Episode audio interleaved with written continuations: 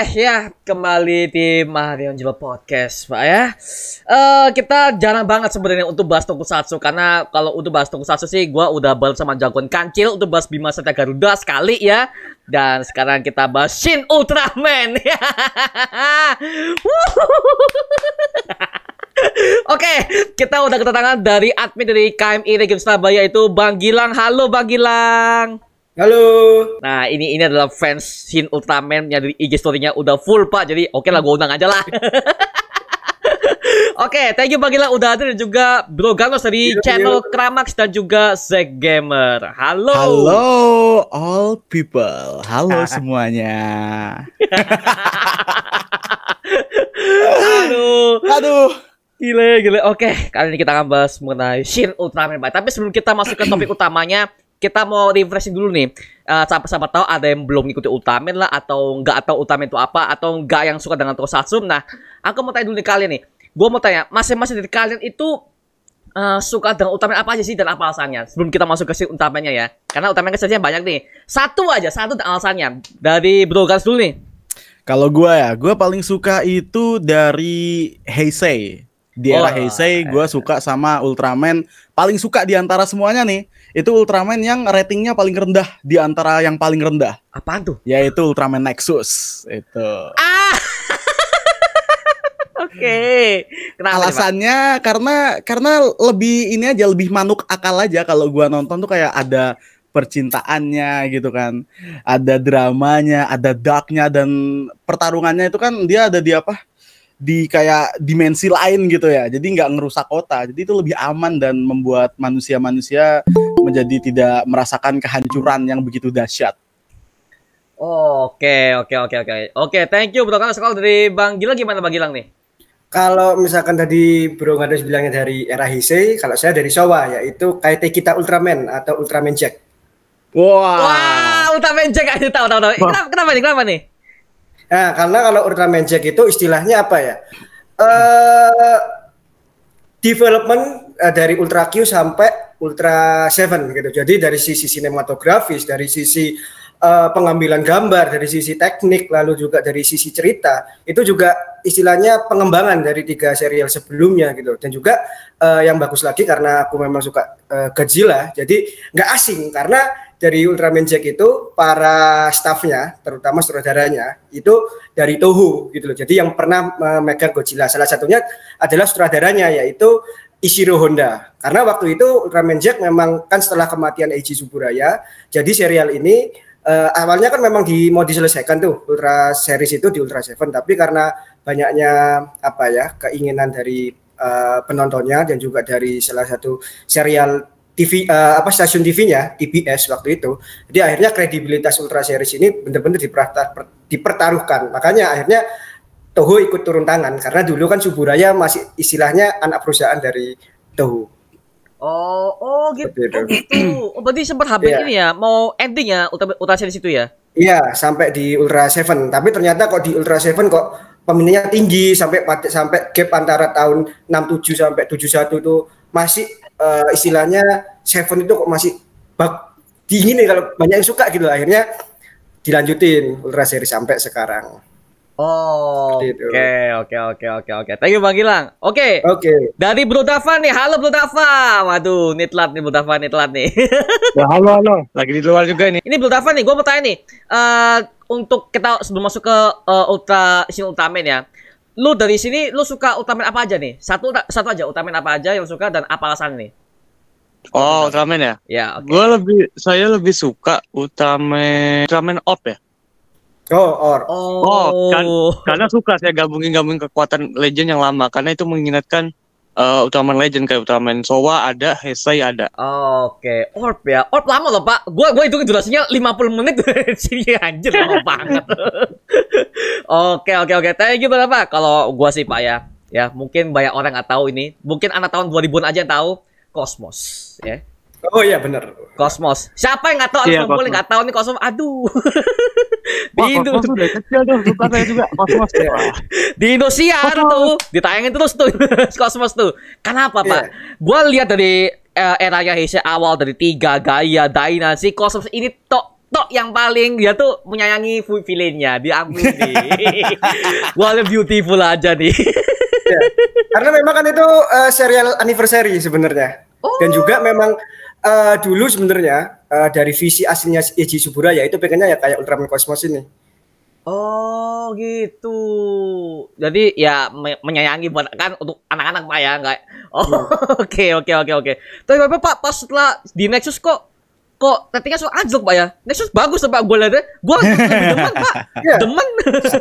Itu sih ada beberapa faktor ya, tapi karena eh, waktu itu eh, dari serial eh, stasiun TV-nya itu pengen waktu itu Gundam, Gundam Seed kalau nggak salah itu lagi booming, akhirnya memberikan waktu yang prime time untuk eh, Gundam, akhirnya yang untuk Ultraman Nexus ditumbalkan untuk jam tayangnya, makanya agak ya seperti itu.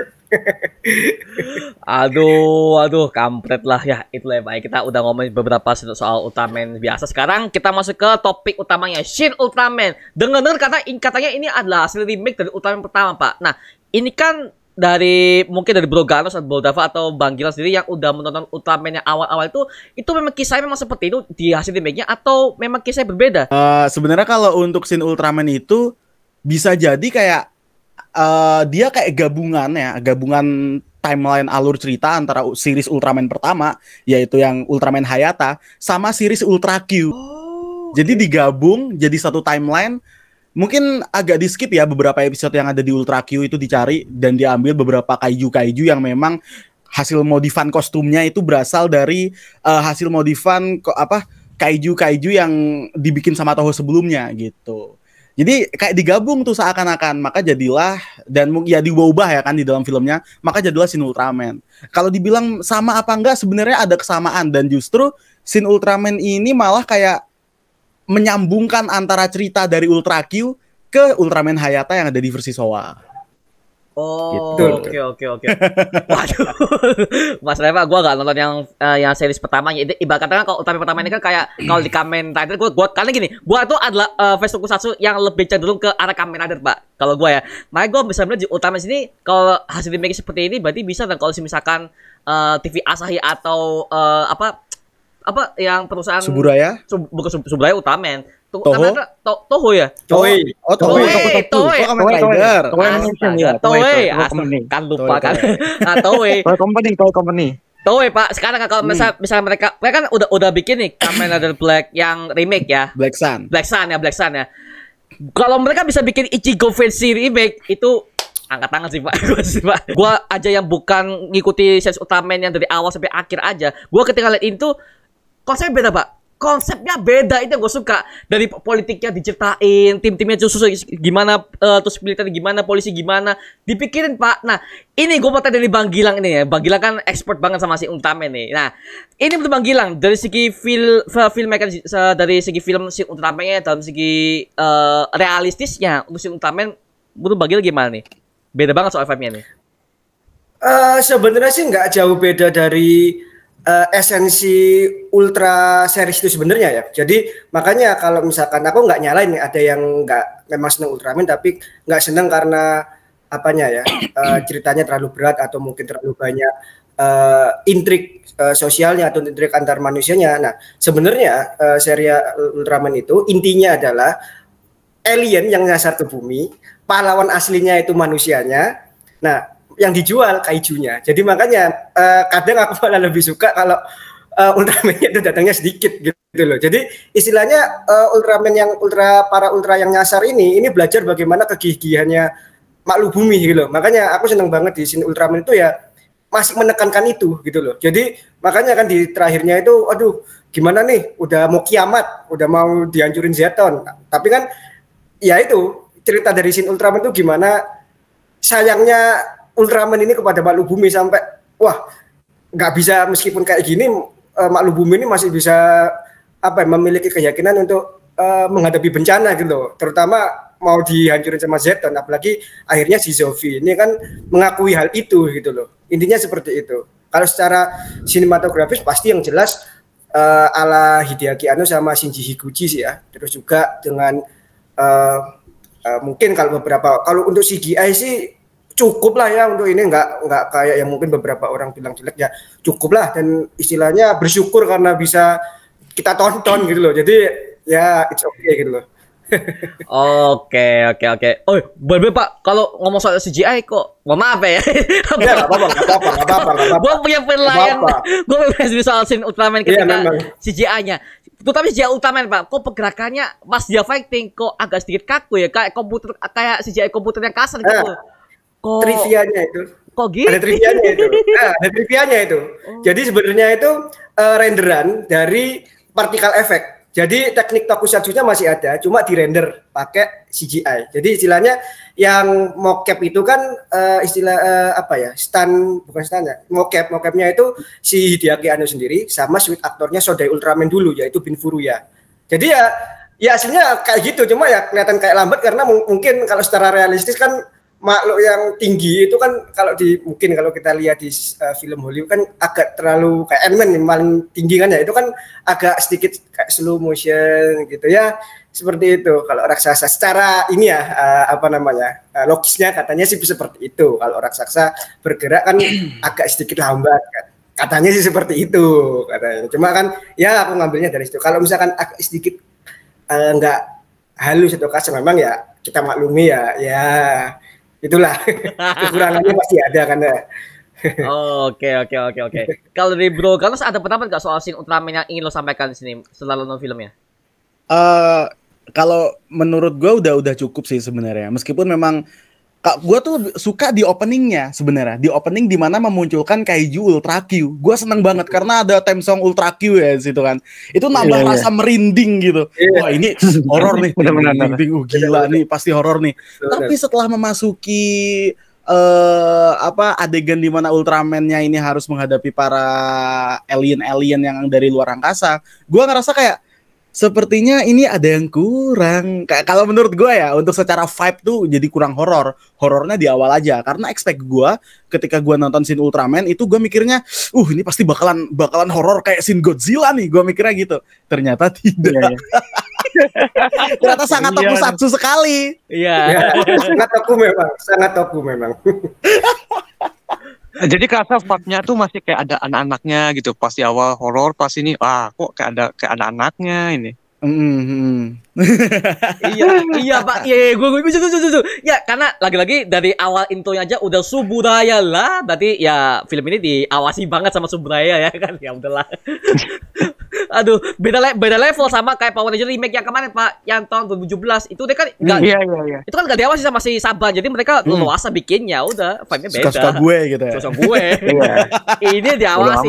Ini diawasi sebenarnya ya udahlah. yang bener-bener bener. Apalagi Pak, gua suka intronya di mana Utama itu datang pertama kali. Itu kan Ah, asap, bener. asap tuh, wih, Iya. anjir. Refill loh itu. Iya, benar-benar. Waktu nolnya aja, ih, ngeri. Ya memang gitu sih. Iya iya. Dulu juga gitu waktu nonton.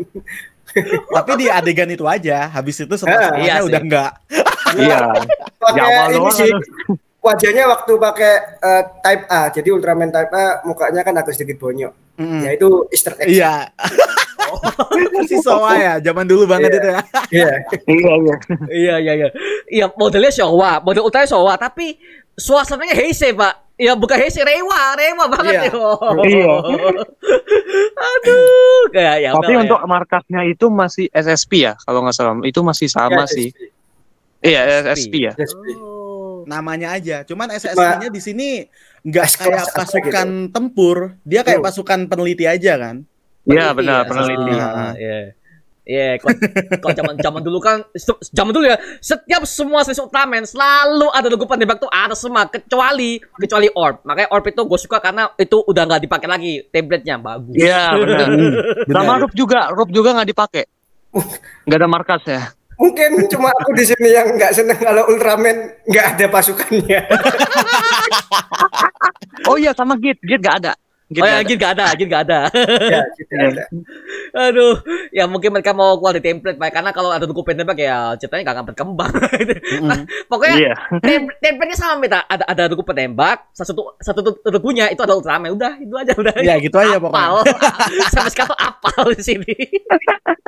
Makanya gue kaget, Pak. Kok SSP-nya kok diubah banget jadi Hmm. tim kayak peneliti nih maksud kayak ini apa, bagaimana diteliti secara ilmiah, sains gitu loh. Oh, Hmm. Oke, Iya, dirubah itu ya. sebenarnya ini easter egg tribute untuk di Ultra Q. Jadi Ultra Q itu lebih ke peneliti kayak X-Files. Ya benar. Oh, gitu. Baru yang bagian Hmm, kayak iya, iya. itu baru tentara Jepangnya. JSDF-nya, Japan Self Defense Force.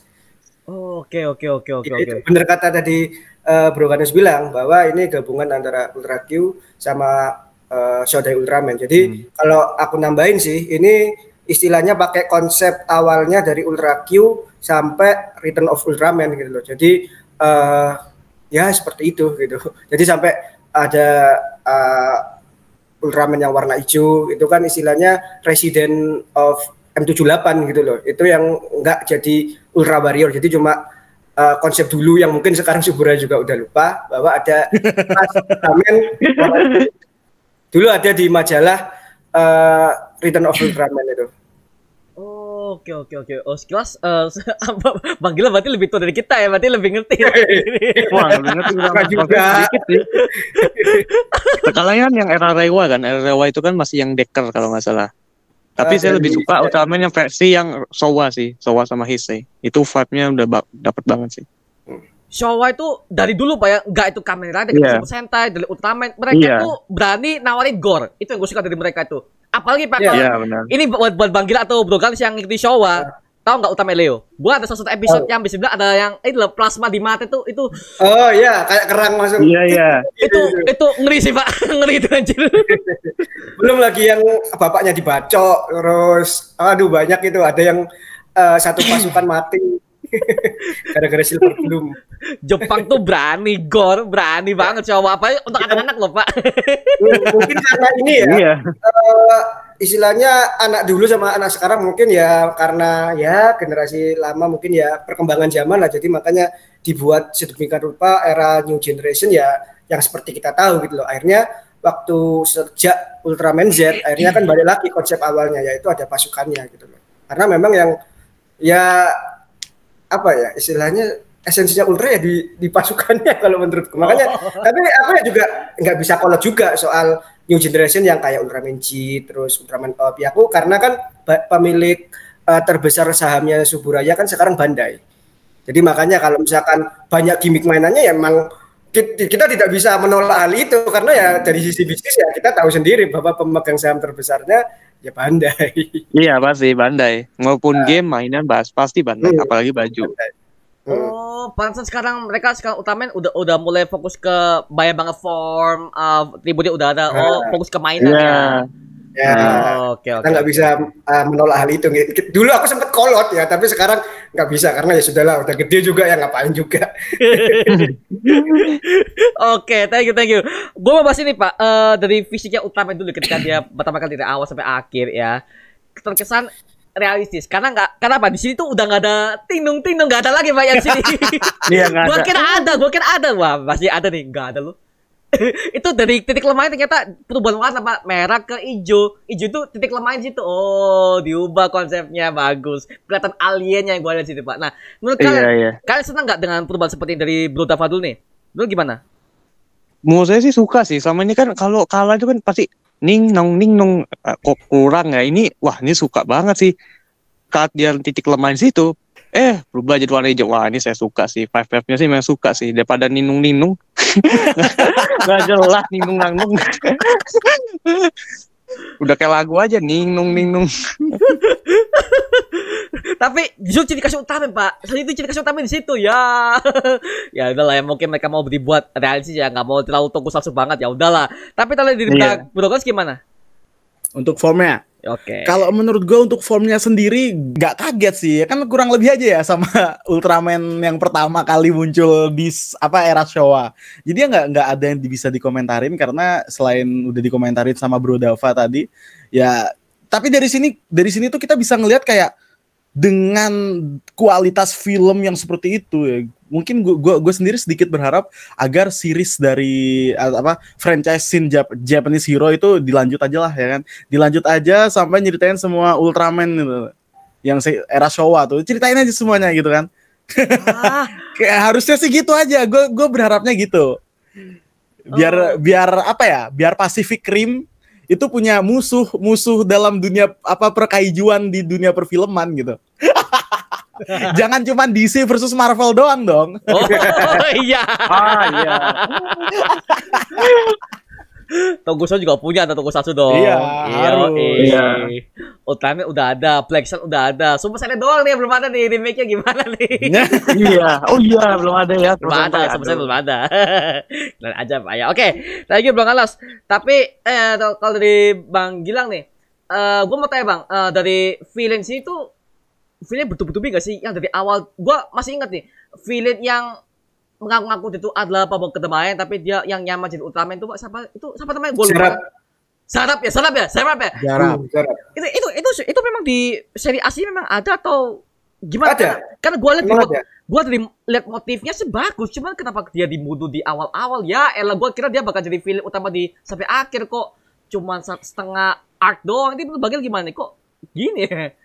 Ya memang sebenarnya eh, ya itu mungkin perbedaannya antara eh, Ultraman dan Tokusatsu lain adalah jadi Ultraman ini sebenarnya nggak punya mastermind musuh. Jadi ya ya tinggal kalau kaiju tinggal kaiju istilahnya kayak hewan buas kan istilahnya eh, keluar dari ini apa namanya habitatnya terus merusuh ke tempat pemukiman atau alien nyasar yang memang ingin eh, Alien nyasar. dulu itu nyasar kan akhirnya wah saya mau invasi bumi akhirnya seperti itu. Makanya aku bilang tadi bahwa kalau misalkan ada yang nggak seneng karena ini klise ya aku nggak menyalahkan karena ya ya memang seperti itu aslinya Ultraman. Makanya konsep aslinya Ultraman ya seperti itu. Jadi ya nyasar aku ingin menginvasi bumi. Tapi kan eh, ini istilahnya alien yang istilahnya lewat politik gitu lewat dalam sistem gitu. Makanya seperti itu Zara. Dan memang ingin eh, istilahnya black campaign Ultraman dari zaman dulu. Dulu sampai bikin Ultraman palsu sama kayak gitu. Iya, iya. Oh. imitation Ultraman dan Bener, juga bener. emang apa ya kalau dari konsep bentuk wujud dari eh, Shin Ultraman-nya memang kalau dulu kan pakai suit sekarang pakai istilahnya mocap dan memang bener-bener yang ditunjukkan bentuk aslinya konsep awalnya Toru Narita gitu loh, yang membuat artnya konsep artnya Ultraman sama Kaiju sama aliennya gitu loh. Jadi dulu sebenarnya memang eh, dari eh, namanya juga artis ya, namanya artis kan eh, ada yang istilahnya eh, tidak mau artnya diubah-ubah meskipun cuma dikasih color timer gitu. Nah, color timer ini cuma istilahnya enter eh, apa ya? Enggak waktu lah di serialnya itu. Jadi akhirnya dikasih color timer. Seperti itu. Jadi aslinya nggak pakai memang dan memang yang dipakai untuk eh, renderan tubuhnya adalah ya balik lagi ke Bin Furuya itu sebagai sweet aktor Ultraman yang Shodai dulu gitu. Dan memang tubuhnya beliau ini memang tinggi dan juga ya proporsi kayak tubuhnya alien gitu, tinggi dan Iya. kayak gitu. Jadi ya production wise aja sih ada penambahan tinung-tinungnya itu kalau. Iya, ning nung ning nung ning nung. Jadi itu Ekor api. batas durasi aja sih sebenarnya. Iya. Oh, Oke, oke, oke, oke, oke. Iya, ya, memang kalau di gue jujur aja, gue bukan sebagai penyiar utama ketika gue nonton tuh kok beberapa, beberapa hati mereka tuh gak, ada, gak damai ya. Hati bener-bener udah damai itu waktu waktu waktu mungkin kalau kita lihat di utama dulu kan per episode pak. Jadi masih ada jeda waktu seminggu lah ya. Di sini kok. Aduh. Langsung. langsung Keluar, Pak. keluar, keluar, keluar, Langsung keluar.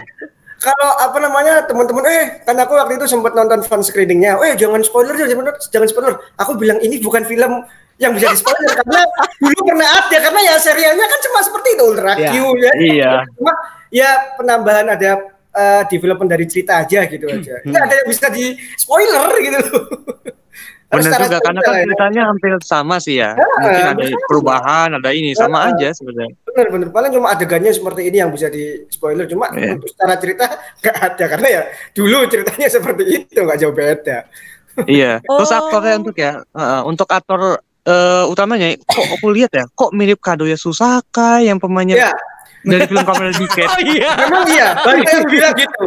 Orang Jepang sampai nge-memein gitu loh. Wah ini eh, istilahnya variannya dari Kusaka Kadori. Dikit ya. Memang iya, iya, iya, iya. Memang aku mengakui hal itu.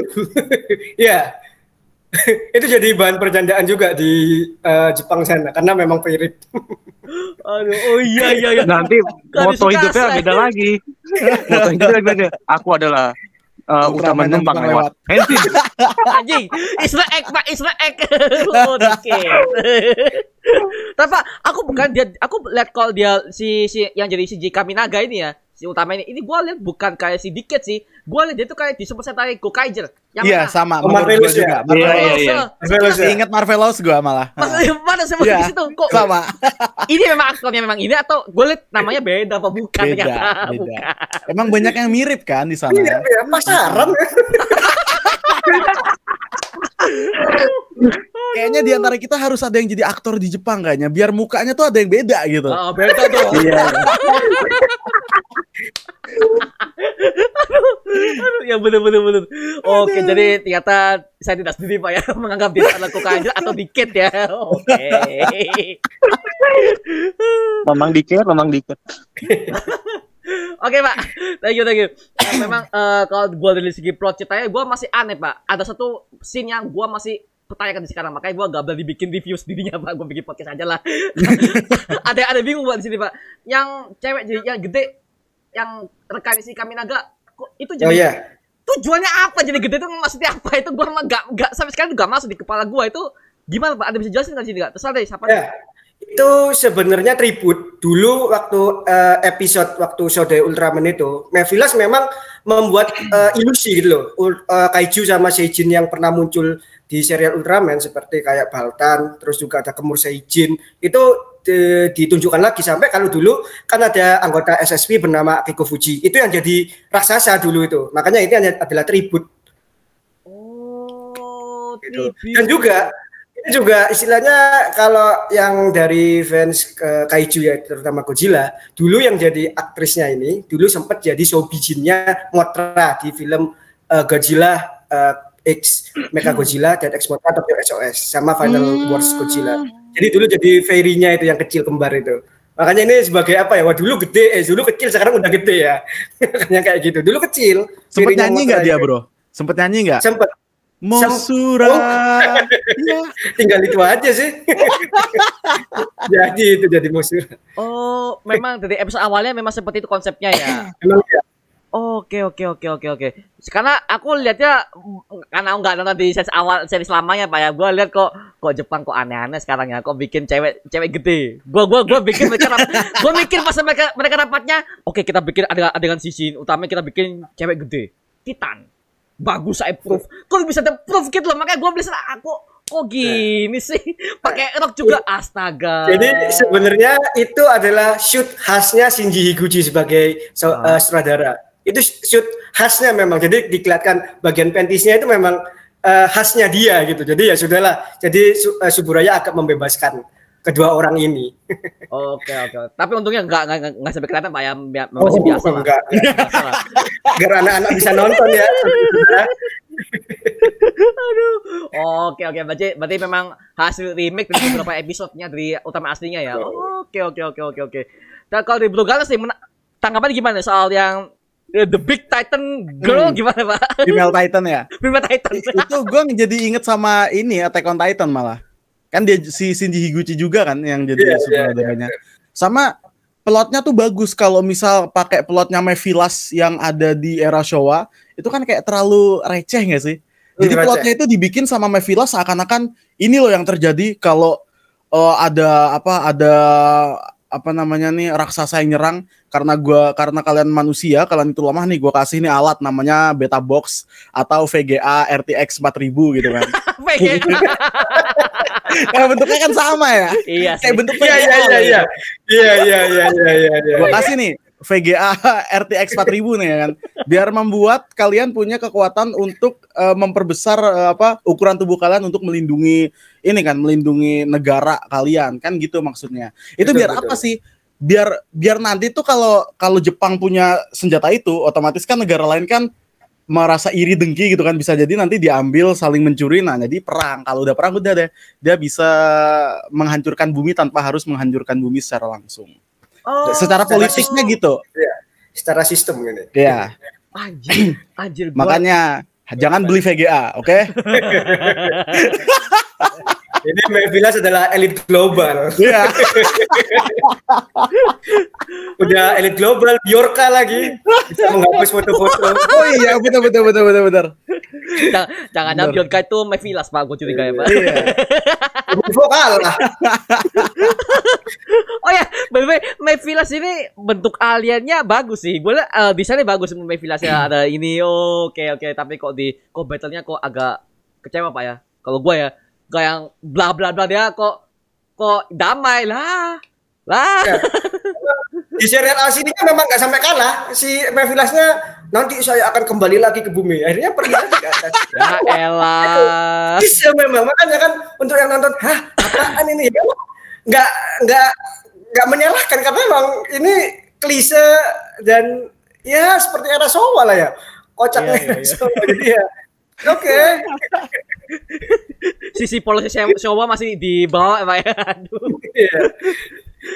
Oke oke oke oke. Oh alah anjir gua, makanya gua, gua- mereka soalnya bertaruh di gadulistik pak. Itu udah epic banget lah. Lah berhenti lu. ini kayak fightnya apa Evangelion Iya. mirip Iya, iya, banget iya. Itu sih ya. kayak kan iya, ramping iya. gitu kan badannya Iya. Mevilas gitu anjir nih Evangelion banget nih gitu Ya, karena kembali lagi ke Hideaki Anno lagi ya. Iya. Evangelion. ya, ya. Aduh bagus bagus bagus bagus. Ya pak bukan dan juga gua melihat politiknya di sini mereka benar-benar main pak. Di mana mereka bisa mempermainkan pemerintah segitu gampangnya kan pemerintah kan juga ngeliat alien kan. Oh kamu tuh siapa gini-gini. Oh kita percaya aja. Eh goblok di, di, di apa di percaya aja pak. Masalahnya gini mohon maaf ya. Mohon maaf kalau gua bandingin dengan Batman v Superman. Mereka lihat Superman ada dari alien dari dunia lain. Mereka langsung benci. Lah kok di sini kok. Oke kita kamu kita terima aja. Oh goblok. Mohon maaf sih. kritik sosial Iya, iya, iya. juga tuh sebenarnya Kritik sosial betul Iya. betul. tidak semua pendek aja Jadi gini, jadi gini. gitu Eh, di setiap saya nonton Tamen ya, eh, dari Aussie Wahesei, emang mereka tuh apa ya kalau di Ultraman apa gitu, emang mereka mendukung ada alien datang, ada juga ada yang benci sama alien itu, pengen dibasmi alien nggak diterima. Mungkin gimana ya, ini kan untuk menghibur anak-anak gitu ya, tapi politiknya di Ultraman tuh setiap aku tonton emang ada sih, ada yang kayak bagian membenci, ada bagian yang enggak gitu. Di setiap series Ultraman apa pun film gitu. iya Iya. Oh. Standar ganda ya. Jadi pemerintah dan manusia ini. Memang manusia. ya eh, art- art- artinya artinya gue liat oh nih unsur tokusatsu masih di bawah banget lah jadi nggak yang terlalu kalau DCU kan Superman yang itu langsung di benci oh lu udah Iya. gini, gini. di sini diinterogasi dulu oh kita terima ya ya pantesan aja goblok banget semua untuk situ makanya goblok ya tolong ya lu tolong Iya. situ makanya kesel banget gue liat astaga ya jangan Padahal kan Ultraman itu kan alien gitu ya. Apa ya? Ibaratnya kalau diartiin tuh Ultra tuh kan cahaya, Man itu manusia, jadi manusia cahaya. Iya, alien juga sih. iya, benar. aduh aduh. Gitu lah ya. Oke pak. Untuk sisi J kami Dagara pak ya. Eh, gua pikir tokoh yang utama ini adalah seorang hero yang kayak bisa dibilang template ya. Template semua hero utama tokusatsu apa sih? Ya berani segala macam oh saya pengen menyamang dunia. Di sini ini ini perawakan dari karakter sini ini kayak seperti Takumi. Di Kamen Rider Faiz yang bisa dia bisa bilang orangnya nggak yang iya. peduli yang segala macam ya unik yang gue lihat ini yang gue suka di sini. Di mana yang nggak- yang nggak terlalu template sama tokusatsu banget lah. Oke bagus. Kami negara cool pak ya. Gue lihat orangnya pasensinya pak gue suka pak. Ciu ciu itu itu itu eh, apa changernya changer itu Beda kapsul. Alatnya kapsul. buat berubah. beta kapsul. Beta kapsul ya? Beta kapsul ya? Iya. Beta kapsul. Itu apa ya? Dari sound effect-nya pak itu diambil langsung dari Ultraman yang awal pak. Gak dirubah. Itu yang gue suka. Nah, iya. Gak dirubah itu loh anjir. Dan bagian ini ya pak masih ada. Dari shot kamera Iya. atas masih pakai yang lama. Oke Benar. nggak dirubah. Lu bagian gimana nih? Kan bagian kan sudah nonton sampai akhir nih. Nah, gimana? Maksudnya mau ditanya di bagian apa maksudnya callback callback gimana? Kan banyak banget callback nih buat yang udah nonton seriesnya nih. Ya, kalau callback sih aku malah senengnya eh, Shinji Higuchi-nya ini eh, istilahnya Ultraman-nya kenapa kok bisa bergabung dengan eh, Shinji Higuchi eh, apa Shinji Higuchi? Shinji Kaminaganya sorry, sorry. Jadi Gucci. itu ini apa ma- bukan malah seperti Ultra, uh, Ultraman bergabung dengan Shin Hayata, tapi malah bergabung sama seperti bergabung dengan Hidekiko. Bukan ber- bertanggung jawab secara kecelakaan ya. Waktu itu kan kalau Sode Ultraman kan nabrak waktu mau nangkap Bemlar di Danau Ryugamori. Tapi ini lebih kayak uh, Hidekiko menyelamatkan anak-anak uh, di episode pertama Return of Ultraman. Makanya uh, ini kan juga menyelamatkan anak-anak si Shinji Kaminaganya. Jadi callback ke situ karena ya Hideki Anno seneng salah satu Ultraman ya Return of Ultraman ini makanya ngambilnya dari situ. Itu tributnya makanya weh kelihatan nih. Oh. Iya, Bergabungnya karena benar-benar. seneng wah ini apa ada salah satu makhluk udah kan Ultramannya sampai istilahnya apa ya seneng lah apa terkagum gitu loh. Wih ini udah ada kaiju ada satu manusia masih bela-belain nyelamatin satu orang anak gitu loh.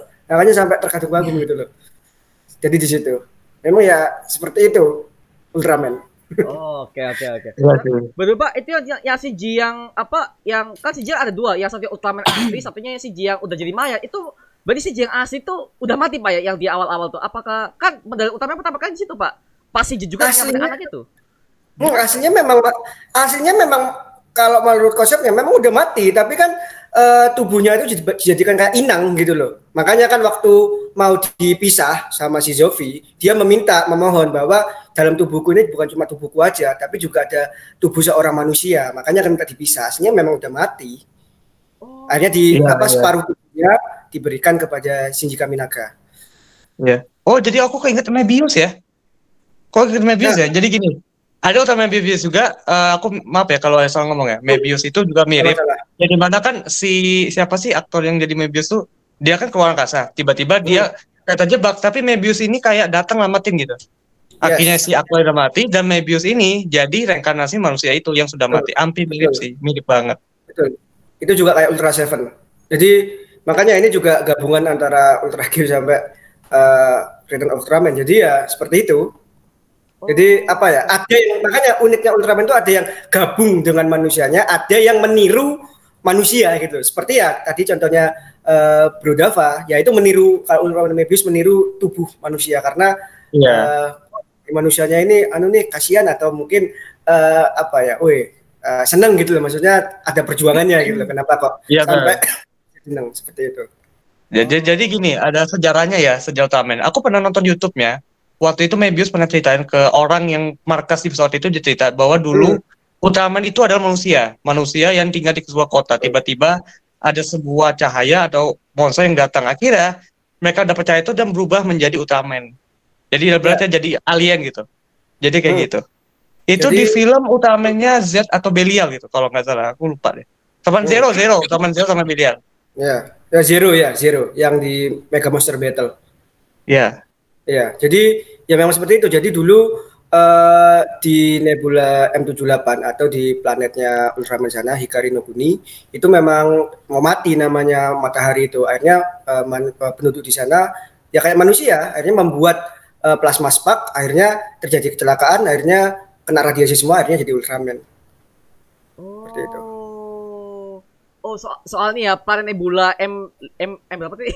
M78, M78. M78 yang bahasa sulit pak ya M78 ini gua, gua kan si Sofi ini kan mau nganter si dia eh, mau nganter si ini kan buat pulang ke planetnya pak gua kira itu akan ditunjukkan enggak pak di sini gua udah tunggu-tunggu nih Belum. Iya. Ya kayak di ini awal serial yang memang nggak ditunjukin, baru ditunjukin itu di Ultraman Ace. oh eh. Itu pun cuma sedikit, baru ditaruh terus di Leo oh. sampai sa- yang paling baru kan ya di ini eh, Ultraman Zero itu sampai sekarang yang warna hijau semua itu. Bener-bener. Di patch dulu planetnya kan.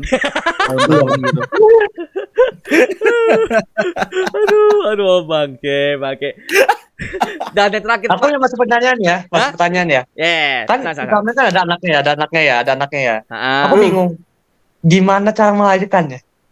Oh, kalau melahirkan itu semacam kayak bayi tabung sih. Jadi eh, ada sebenarnya kalau lihat dari majalah atau bukunya eh, film Mega Monster Battle Legion itu itu di, sudah dijelasin bahwa untuk menikah antar eh, ras ultra ini semacam bayi tabung. Jadi seperti itu. Kayak Kryptonian lah Oh. di Man of Steel. Ya, Oh iya iya baru tahu. Bayang lu kan gitu. Iya iya iya iya. Oh gitu ya. Padahal- Makanya gua gua juga kaget sih Belia punya anak anjing, Belia punya anak si Jit. Iya. Lah.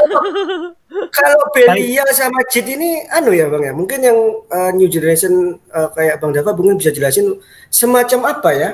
Benih Kalau sih kalau itu.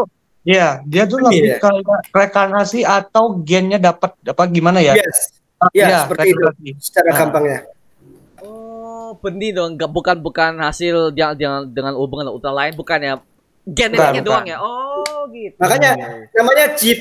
G-nya ini adalah jin atau genet genetik. Iya. Jit. Itu. Jit. Oh, oke. Gitu. oke, Kalau oke. kayak Utaman Taro kan punya anak tuh, Utaman Taiga di era yang pertama itu itu itu ada tuh istrinya Utaman Taro udah ada. Oke, berarti panjang Pak ya. Ini kan Nih, ya kalau misalkan ini scene utama sukses Pak ya, ini harus bikin sequel atau nggak bikin series utama yang lain lah buat nyambungin ini Pak. Karena jujur aja di Mem- ending di ending Pak, di ending masih penasaran loh Pak. Pas si jika negara udah udah buka mata itu itu itu kita nggak tahu loh, itu apakah si yang versi utama atau si yang asli kita nggak tahu itu Pak. Masih gantung loh itu di ending itu. Hmm. Kalau menurut apa ya? Kalau eh, menurut serial yang pertama, memang ya itu aslinya, bukan yang udah gabung sama Ultraman karena udah pisah. Oh, Cuman kalau soal kelanjutannya, memang dari pihak eh, Hideaki Anno sama Shinji Higuchi-nya sudah ada pandangan bahwa akan membuat eh, trilogi ini dari Shin Universe. Jadi ada Shin Gojira, Shin Ultraman, Shin Kamen Rider, Shin- sama Shin iya. Evangelion. Nah, jadi Shin Ultraman-nya ini nanti eh, ngambil konsep tiga konsep awal Ultra sih. Jadi sebenarnya kalau sekarang itu bisa kita baca atau kita tahu di komiknya Marvel. Jadi sebenarnya eh, nanti dari eh, proyeknya itu ada tiga. Jadi waktu Shin Ultraman ini, nanti Shin Ultraman kedua sama Shin Ultra Seven. Nah, sama seperti komiknya Marvel ini trilogi dari yang The Rise, The Trial, sama The Mystery of Ultra Seven. Jadi sebenarnya yang muncul pertama di bumi itu kalau dulu ngikutin konsep awalnya dulu itu Ultra Seven. Sebelum kontinuitasnya di eh, digabungin gitu loh. Dulu kan bisa-bisa Ultra Q, Ultra, ada Ultraman, Ultra Seven sama eh, di Redcon akhirnya di Return of Ultraman. Sebelum itu itu istilahnya apa ya? Surab Suburaya tuh suka-suka su- apa suka-suka sendiri Suka kalau gue. Nah. Gue lah ya. Nah, seperti itu makanya dari dulu memang kontinuitasnya Ultraman berantakan. Ya benar. Lebih rapian Kamen Rider malah. Yes, makanya Hmm. kalau ada orang yang bilang bahwa lebih rapih Ultraman, wah patut dipertanyakan. Karena lebih rapih Ultraman dari dia. Yamaha Sentai, ya, eh, Mm-mm. bener. Kalau Kamen Rider kan jelas dari awal Dai Shocker, eh Dai Shocker Hmm. hancur, udah bikin generasi Iya. baru lagi, film baru lagi, Benar. lebih Iya. rapi. Dan Kalau ini sama dunia tuh, tuh. waduh jutaan lagi, jutaan lagi, ah bingung. Iya. Apalagi dikit pak ya, lu baru satu dikit tuh, uh, kuga gitu juga beda dunia bangke, berarti beda gitu semua anjir, Multiverse lagi ya. pusing pusing dah tuh. Oke, menarik menarik nih karena mungkin habis habis podcast ini mungkin kayak gue harus explore Ultraman lagi sih pak, karena gue jujur aja, gue rewatch dua kali.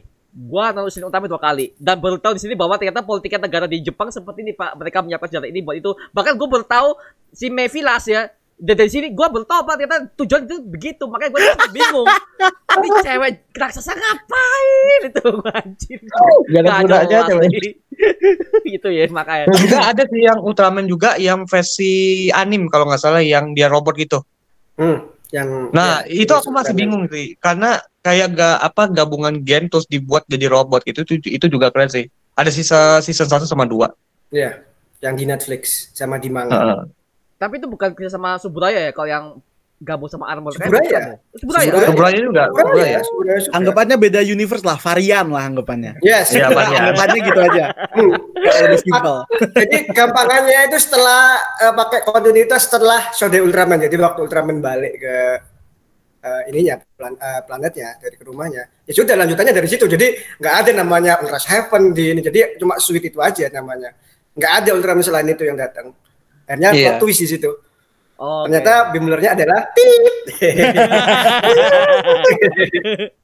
masalahnya Pak Bay Bang Facebook Saswing yang agak kecewa dengan film scene Ultraman. Katanya mereka ber- mereka punya berteori bahwa ada beberapa Ultraman yang akan muncul karena si- Ultraman kan juga dari planet planet eh, Nebula M57 Pak ya. Ya, Eh, mereka 78. jawab jawaban. Jadi seperti itu Pak. Katanya mereka bakal ada di spill Ultraman apa kayak eh, Ultraman Taro mungkin atau Leo mungkin yang lebih senior enggak ada. Ternyata kecewa bener ya. Elah ya kayak gitu juga dong. Kata dari mana? Baru tahu juga aku.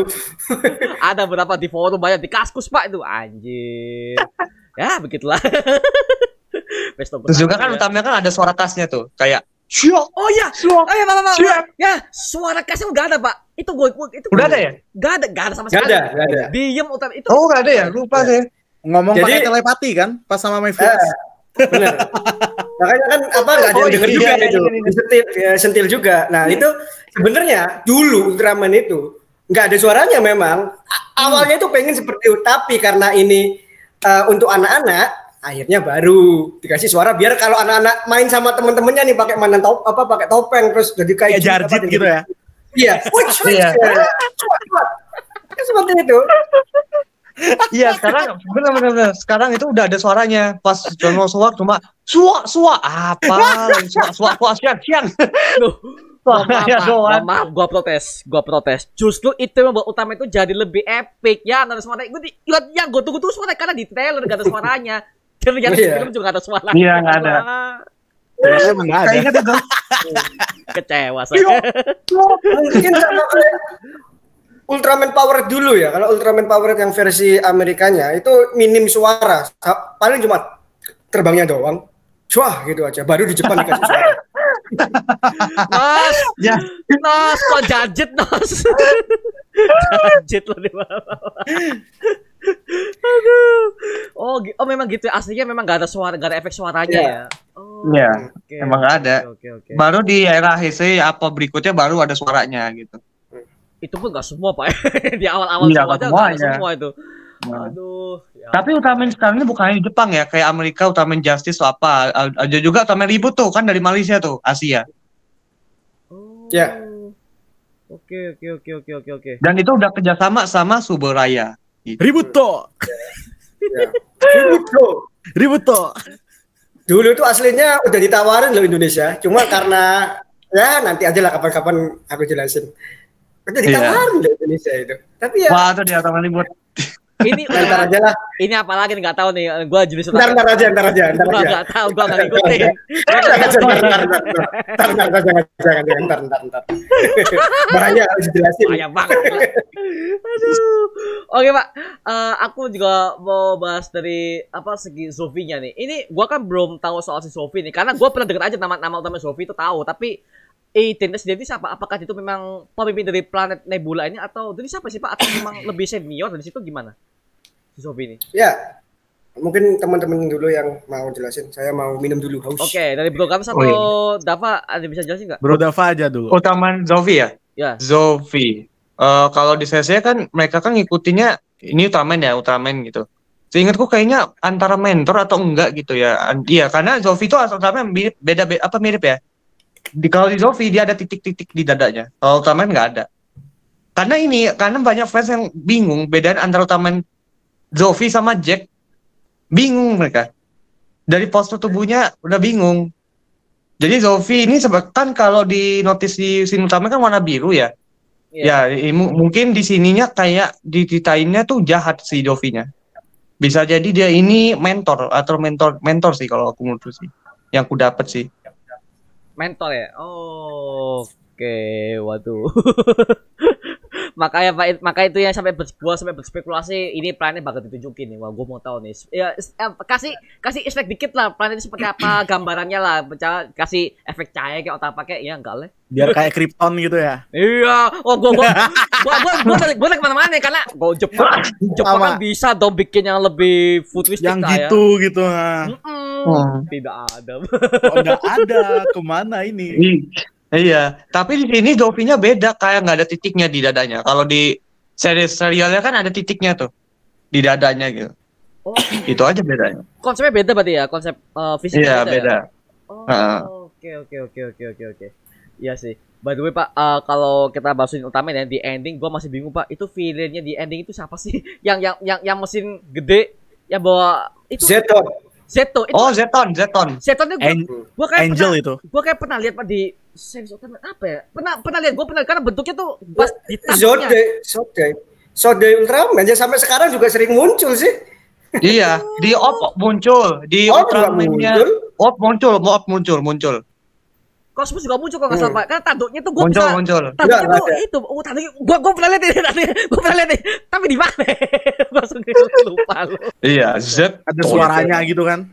Iya. Itu, itu creepy loh itu. Gue Hmm. gue jadi keinget pas eh, ini karakter Shinji yang ada di Evangelion tuh pas ngelawan Angel dari musiknya, Yes, dari vibe-nya, gila Memang sih. iya.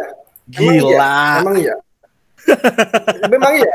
Jadi eh, kenapa Zofinya terlihat berbeda dengan yang dulu dan ke- kenapa kok terlihat jahat? Itu sebenarnya ada trivia pakai konsep yang sebenarnya konsep ini eh, miskomunikasi atau misinformasi antara bagian dari majalah sama suburanya sendiri. Jadi sebelum serialnya berakhir, ada majalah itu yang istilahnya misconception atau misinformasi bahwa Zofi itu eh, master of monster gitu loh. Nah, akhirnya misconception itu dibuat eh, dijadikan tribut di Shin Ultraman ini bahwa semacam musuh atau jahat eh, Zofinya ini. Jadi sebenarnya kan dia itu komandan di eh, Intergalactic Defense Force di M7 eh, apa namanya? eh, Ucu Keibitai. Makanya kalau misalkan yang kalau di apa eh, serialnya itu ada star marksnya, ada medalnya. Kalau di sini enggak, warna eh, apa emas itu ngambil dari eh, artnya eh, Toru Narita sebagai konseptornya Kaiju Ultraman sama ini yang dulu-dulu saya izin dulu. Jadi warnanya itu judulnya art itu namanya Next. Jadi ada alien itu atau sama judulnya Ultraman juga itu warnanya hitam sama emas. Jadi memang itu hanya tribut atau makanya si Ultraman ini mengambil eh, tribut yang enggak dipakai atau sekedar apa ya mis eh, yang unik-unik lah gitu dan makanya eh, ini kalau aku bilang adalah eh, surat cinta dari orang yang benar-benar senang sama Ultraman gitu loh. Makanya eh, si Hideaki Anno, Shinji Higuchi itu si terutama Hideaki Anno dulu pernah dia punya tugas kuliah bikin fanmade tapi dan eh, diakui sama Suburaya dia bikin Return of Ultraman versinya Hideaki Anno sendiri. Jadi cuma pakai jaket, kacamataan, pakai topeng. Ya intinya apa ya tugas kuliah yang di approve oleh eh, Suburaya sendiri. Seperti itu. Terus makanya kenapa kok kelihatannya jahat? Memang pakai konsep eh, Master of Monster yang istilahnya dari majalah ini tidak sinkron dengan eh, Suburaya sendiri. Nah, terus juga kalau yang membedakan kan bagian sininya tuh. Itu kan hitam. Ah, aslinya di serial eh, dulunya itu memang hitam juga. Cuma karena mungkin ke- kelihatan gelap jadi kelihatannya kayak silver cuma kena bayangan padahal aslinya itu eh, beda sama yang Ultraman sendiri. Nggak full silver tapi sininya ada hitamnya. Kalau apa sekarang blue kan udah Blu-ray nih apalagi di Subaraya Global sudah ada masih ditayangkan di YouTube. Itu kelihatan sininya hitam sendiri. Jadi memang benar Zeton Zetonnya ini kayak angelnya Evangelion mungkin kalau misalnya pakai tributnya eh, yang ada di Ultraman itu kayak Giga Endranya di Ultraman Cosmos sama Justice di movie-nya. Jadi kan itu ada Giga Endra yang waktu itu Ultraman Justice memihak bahwa bumi ini harus dihancurkan. Ya itu ham- hampir sama seperti itu. Iya, iya. oh, Zeton ini oke. macam-macam sih, macam-macam. Ada yang Gingas Zeton, ada yang kalau di Op itu apa ya? Saya lupa. Yang pakai tangan capit kayak kepiting tuh lupa ada gitu. Jadi Hmm. macam-macam itu udah dijelasin di Ultra Galaxy Fight yang pertama kalau nggak salah. Ya. Ultra Galaxy Fighter itu. Waduh. Sampai muncul, muncul lagi kan di ini eh, yang Ultra Galaxy Fight kedua. Iya, kan Zeton. Zeton semua tuh. Wah. tuh. Heeh. Sayangnya nggak ada power Zeton, padahal power Zeton bagus banget itu bentuknya robotik. Hingga no pawa ah ding ding ding. Ya itu kayak backgroundnya ini. Loganos. Yo, ya. Oh iya Pak, by the way untuk soal kaiju-kajunya Pak, mohon maaf kaiju semua di sini sudah realistis banget. Itu gak sih Pak approve sih. Benar. Suburaya dan juga untuk Toei mereka kalau bikin kaiju Ultimate Monster mereka kostum-kostumnya gini Pak, apalagi Ultraman dari dulu. Betul. Di Setuju. sini lebih, Iya. lebih itu Pak, apalagi yang yang kaiju yang bor, yang muka bor tuh itu apa namanya? Gabora. Gabora apa? Nama namanya apa? Gabora, Gabora. Iya, eh. Gamora. Gabora. Bukan bukan eh bukan Gamora ya. Ya, Anda fans MCU ya. bukan apa ya? bukan. bukan. Oh ya itu itu itu bagus loh, Pak. Gabora. Itu Gabora. terornya dapat loh dari dia, di tanah uh, Hmm. itu uh merinding banget sih dia, anjing. Banyak yang banyak yang bilang kaiju terbaik memang Gabora di film ini. Oh, Iya, Yang- benar. Hmm. Gamora. Yang bilang. terornya Gabora. dapat, dapat, dapat, teror dapat sih. Sampai ancurnya pun dapat di, di gini. Ancur blur, Hmm. oh bagus. Bagus sih, itu the best kaiju, ya. Pad- Padahal gitu di situ kan katanya di rumornya bahwa Shin Utama ini adalah satu universe dengan Shin Godzilla kan di intronya aja. Yes. Logo utama ada Shin Godzilla. Lah, kok gini? Ini maksudnya gimana nih? Gua nggak ngerti nih maksudnya gimana nih. Kok ada Shin Godzilla juga? Dulunya Ultra Q tulisannya. Tapi karena ini film per, dulunya itu uh, Shin Gojira, akhirnya dibuat Shin Gojira. Makanya sampai ada Shin Universe ya, itu sebagai penanda. Kalau istilahnya ya mungkin nanti akan berkaitan gitu loh. Dan juga para pejabat dan menteri-menterinya itu, itu yang pernah muncul di Shin Gojira dulu. Oh, Iya, iya, iya. Benar. Pernah muncul. case asli. Oh. Ya. Semuanya udah itu menteri-menterinya. Terutama yang Ini- kacamataan yang terakhir-terakhir. Anda yang bilang tidak satu universe ya, Anda dengarkan podcast ini. Satu universe teman-teman. Soalnya ada tuh nggak satu universe bang, nggak bang. gitu. Ya kita lihat aja lah nanti. Memang ya ya serial Tokusatsu dulu kan kayak semacam kok universe satu universe satu enggak ya ya seperti itu. Jadi kabur masih. Ay, apalagi zaman dulu pak ya kan belum ada teori-teori teori youtuber kayak gitu kan nggak ada. Iya, nggak ada ada zaman dulu nggak ada gitu. Nggak ada. Dan juga dan juga kan ini nggak diklihatkan bagaimana pusat kota Tokyo-nya gitu. loh. Kalau misalkan diklihatkan Ah. pusat Tokyo-nya pasti ada Godzilla membekunya. Makanya dilihat di pinggir mungkin di- disimpan ya. Makanya kan eh, di lokasi lain nggak di pusat kota Tokyo-nya. Kalau mungkin ada pusat kota Tokyo-nya mungkin kelihatan banget itu Godzilla yang membeku di Godzilla Tapi itu. katanya dipindah tuh Godzilla-nya ke apa namanya ke ini ke Antartika. Jadi Mungkin Godzilla kan sih ya. dipindah ke Antartika. Ah. Jadi setelah eh, mungkin ini ada juga apa ada pengaruh ya karena Godzilla dipindah ke Antartika kemungkinan itu membangkitkan salah satu kaiju yaitu Peguila. Kan ada tuh yang bagian Shin Peguila. Ultra Q tuh. Iya. Oh, yang ngeluarin iya, es iya, tuh. iya, iya. Kan bisa jadi kayak gitu karena itu kan lokasinya mungkin ada di ini daerah ini kan apa pusat kota juga kan. Hmm. Betul betul betul. Terus sih. Wow. Wah, saya diganggu nih sama manusia. Apaan nih? Iya. Kok ada kaiju lain nih, coek gitu kan? ah, gua ke Tokyo ah gitu. Iya. Ngerusuh dia habis itu. Iya, Dan, betul betul uh, betul betul.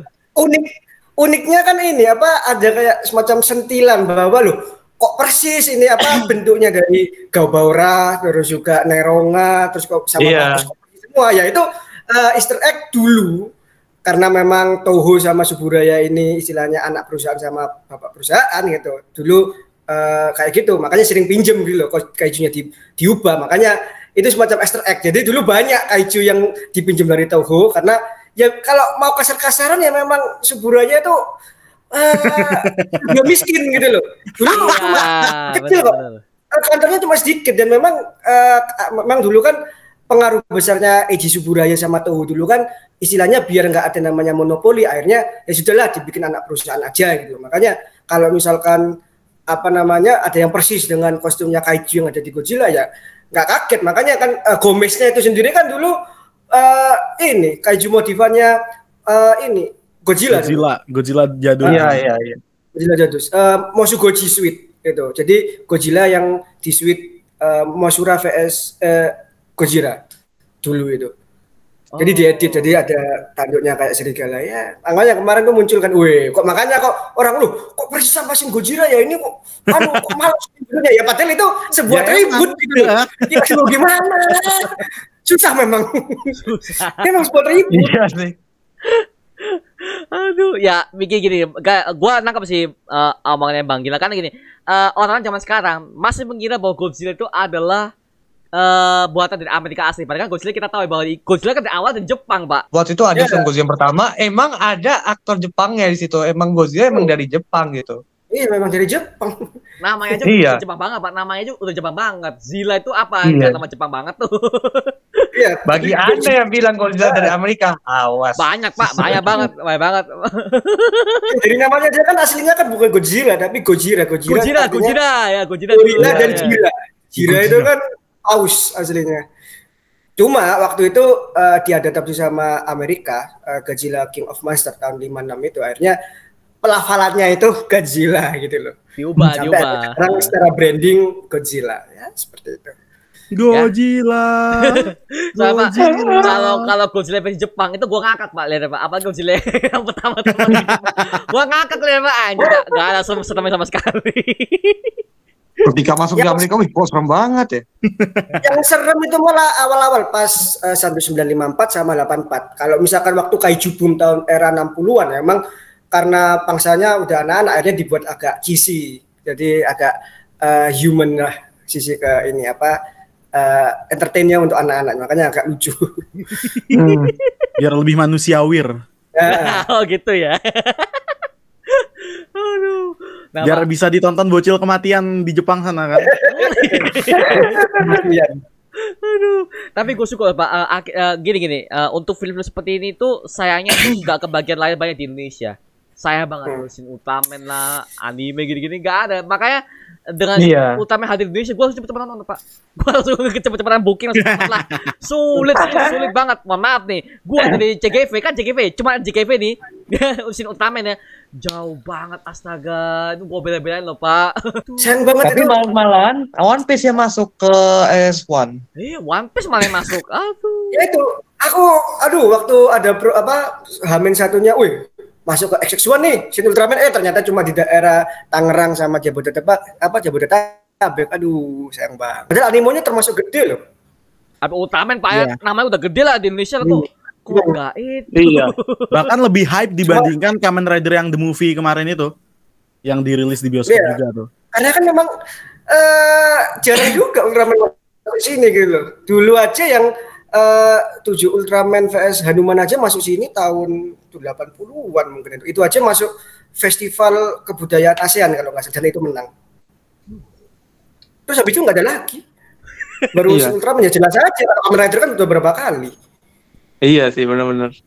Eh, dari tahun 70-an aja juga udah ditayangin itu. Wah, Benar, karena gini juga Kamen Rider itu ya, kalau saya sejarahnya itu ada konflik yang di mana ada yang aktornya tuh kayak kena pelecehan, ada yang aktornya tuh kena bully atau apa gitu. Itu di era Showa. Semenjak masuk Heisei udah nggak ada lagi. kok dark banget ya.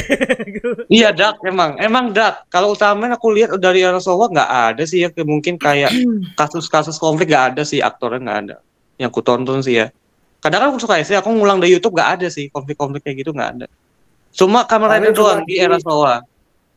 Kosmos itu sih yang dulu ada apa namanya si Sugiuranya. Jadi apa ya tindakan kekerasan tapi akhirnya sekarang udah topat nggak nggak terlalu yang gimana gimana sih.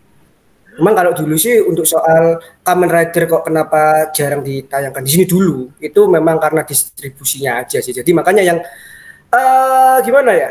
Dulu itu ada namanya agak sinisme sama produk Jepang tahun 70-an 80-an aku nggak ngerti. Makanya yang masuk ke Indonesia itu yang hasil distribusi dari Taiwan atau dari Thailand. Ada sinisme di situ dulu sama produk Hmm. Jepang. Makanya yang masuk dulu Ultraman-nya itu aja yang versi ini eh, 11 eh 7 Ultraman lawan Hanuman itu.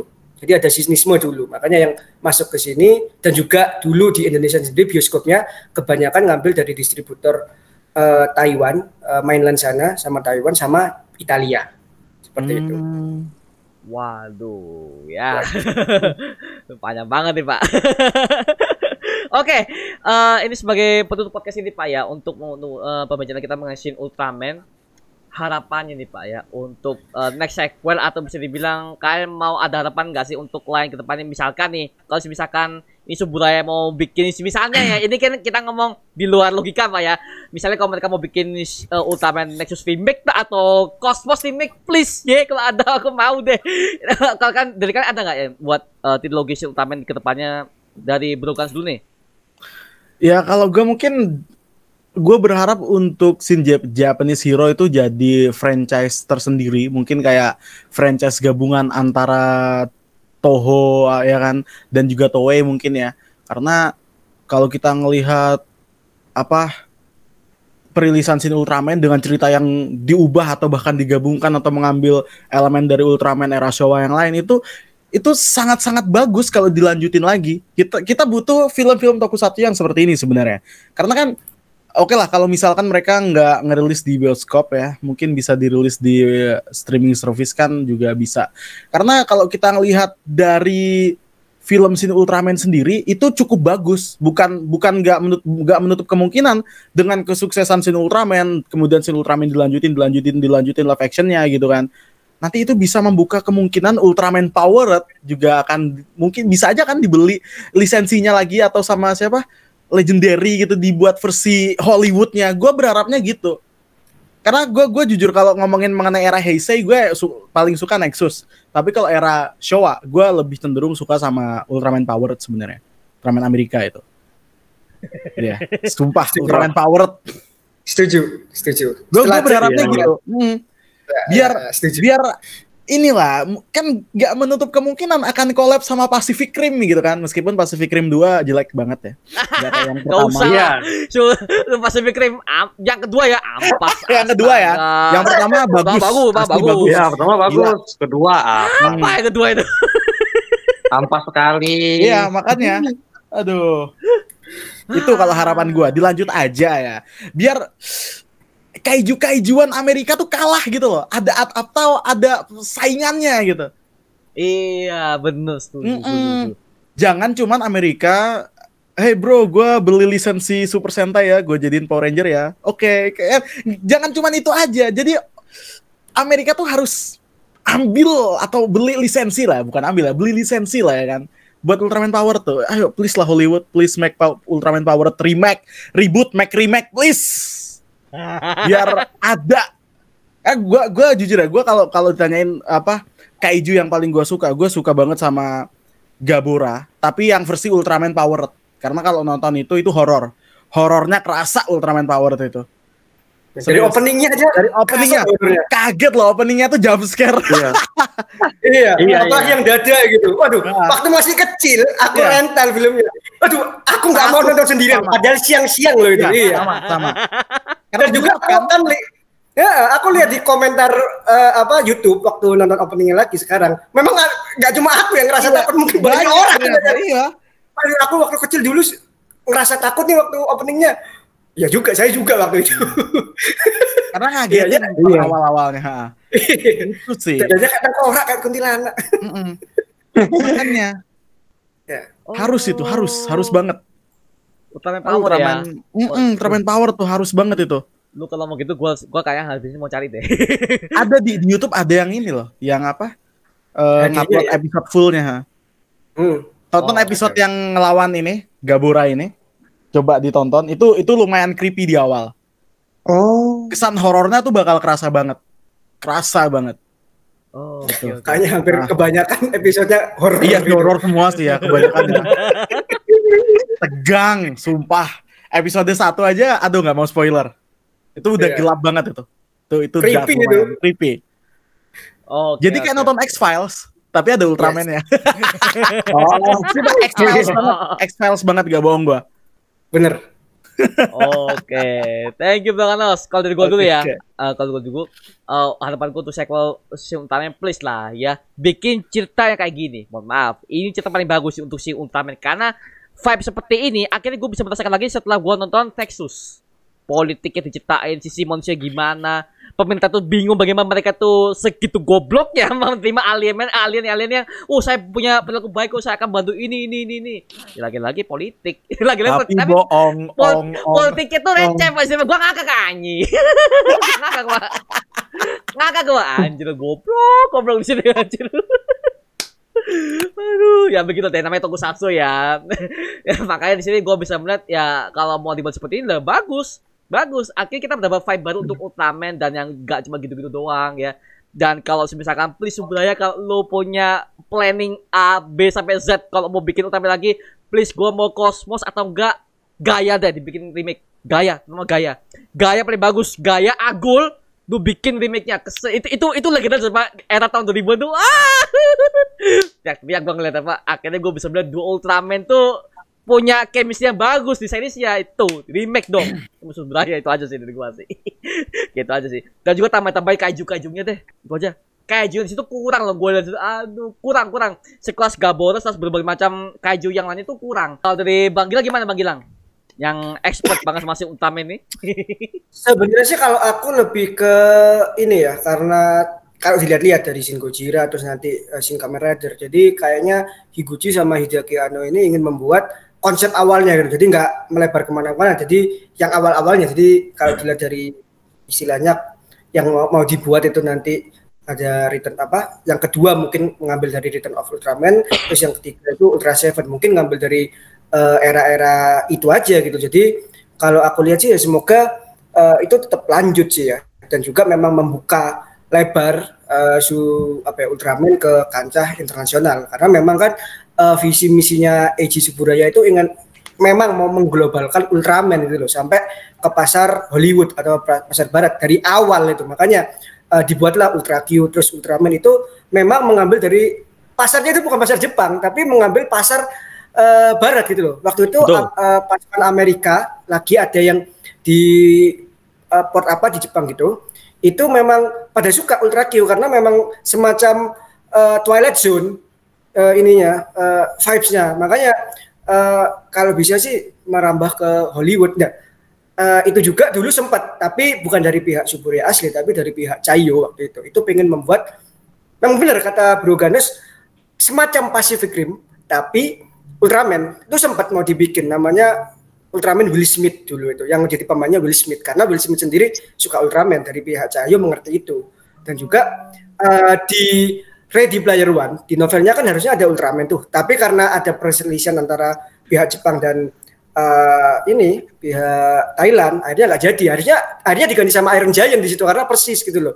Jadi dari pihak Amerikanya itu memberi tenggang waktu bahwa eh, ini bisa nggak Ultraman dimunculin? Tapi ternyata tidak bisa menempati tenggang waktu itu. Ya akhirnya yang diganti Iron Giant semoga itu nanti ke depannya setelah karena kan udah selesai itu masalahnya. Semoga ke depannya itu bisalah eh, merambah eh, pasar barat gitu. Entah itu seperti eh, Ultraman Power lah seperti itu atau mungkin versi movie-nya atau gimana ya semoga aja gitu loh. Menjadi pancingan ini gitu seperti itu. Karena kan ini sudah banyak eh, Shin Ultraman didistribusikan ke banyak negara termasuk dari negara barat sana. Meskipun ada beberapa yang cuma jadikan kayak film festival karena memang Shin Ultraman ini semacam segmented sama ya semacam film festival gitu loh. Oh iya.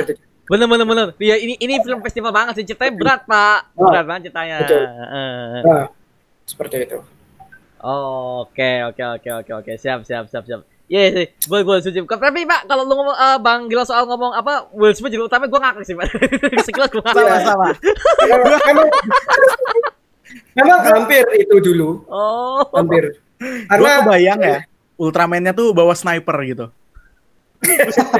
kan Will Smith Pak, bawahnya sudah Iya. berat Pak. Deadshot. Oh gitu ya. Gak deadshot kan? Aduh ngakak sih. Semoga ya. Makanya ini, ini bagus sih buat Suburaya biar memperluas pasar gak cuma Jepang doang nggak tahu. Ah, kita juga pengen tahu dong. Indonesia juga pengen tahu dong. bagus, bagus. Oke, tadi Bang Gilang. Oke, kalau dari Bro Dava nih, harapannya gimana untuk Shin Ultraman dan juga mungkin ada Ultraman yang pengen di remake oleh, oleh Suburaya mungkin? Silakan.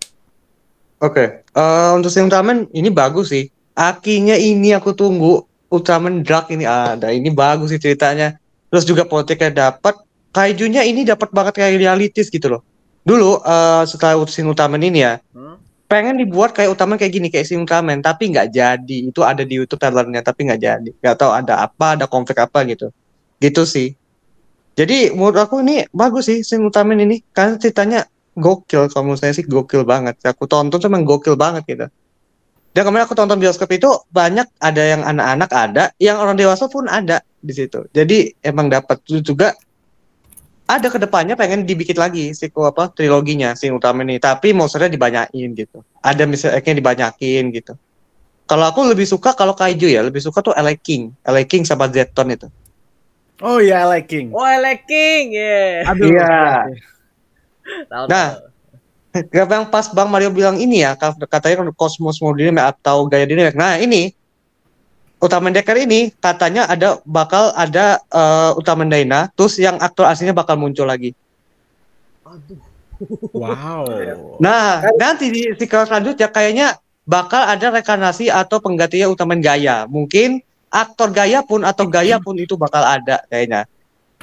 Ah, aduh, eh, emang mungkin ya, ya, ya untuk Gultava ya. Memang dari dulu sih, oh, pokoknya se- se- semenjak Orb kalau nggak salah ya, itu mereka udah mulai main remake semua pak. Maksudnya aktor-aktor yang lama diundang lagi, Cosmos, Kaya, Daina, berkali-kali Iya. mereka diundang lagi berbagai macam movie. Gue capek liat pak.